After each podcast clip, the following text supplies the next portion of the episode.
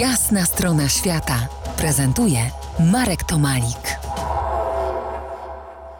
Gościem jasnej strony świata Mariusz Seip, autor koordynujący książki Ósmy Kontynent o pasji biegania tam, gdzie tylko sobie wymarzysz.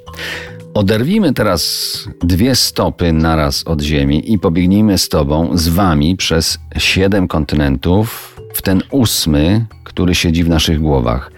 Miejsce, w którym bieg najmocniej, najmilej wspominasz. Czy to był Iran? Nie.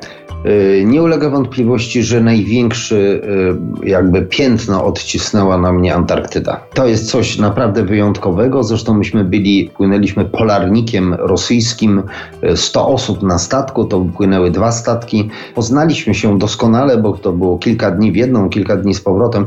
To było coś, coś absolutnie wyjątkowego. Przyznam się szczerze, że Antarktyda to jest coś, co wymyka się mojej wyobraźni, bo wiem, że to nie tylko daleko, nie tylko jest to kosztowne, ale są tam ogromne restrykcje w poruszaniu się ludzi po tym siódmym kontynencie. Jak wam udało się zorganizować yy, maraton tam? Tak, to jest e, organizacja z Bostonu, która organizuje te maratony. Musi rzeczywiście, tak jak wspomniałeś, mieć specjalne zezwolenia.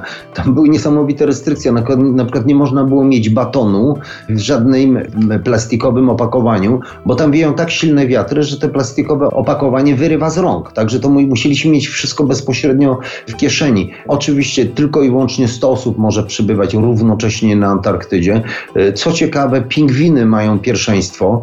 Czyli nie wiem, jak szybko byśmy nie biegli, to jeżeli akurat pingwin przekroczy nasz, naszą trasę, to trzeba mu e, ustąpić. No, nie wspomnę o typowych sprawach fizjologicznych, których absolutnie nie wolno w jakimkolwiek innym miejscu niż oznaczonym e, wykonywać. Także no, były to, to cała masa różnych niesamowitych restrykcji. Tam zresztą albatrosy, największe mm, ptaki na świecie, które nas obserwowały i zaatakowały jedną z naszych koleżanek. To była taka mm, dziewczyna z Filadelfii o pięknych Christino, pięknych kręconych blond włosach i te włosy widocznie im się tak spodobały, że postanowiły zaatakować. Także przygód było co niemiara, ale taką niesamowitą y, jakby przygodą to była Wyspa Wielkanocna. To jest taki mikrokosmos, to jest taka ziemia. Oni y, przez kilka, prawie półtora tysiąca lat myśleli, że są jedyni na świecie. 4000 kilometrów odległość do najbliższego lądu, ta, y, to niebo przepiękne, które tak jakby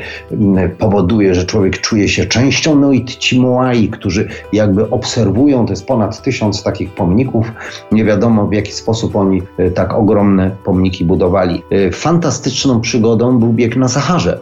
Zorganizowaliśmy tam potem akcję taką charytatywną, y, lekarską Vision for Saharawi, operację katarakty wzroku, zresztą bardzo mocno docenioną przez National Geographic. Bardzo ciekawym maratonem na przykład był maraton klasyczny, maraton, maraton Ateny. No i chyba takim najbliższym mojemu sercu, no to maraton w rodzinnym Poznaniu. O tym jeszcze Porozmawiamy, ale to za, będzie za kilkanaście minut.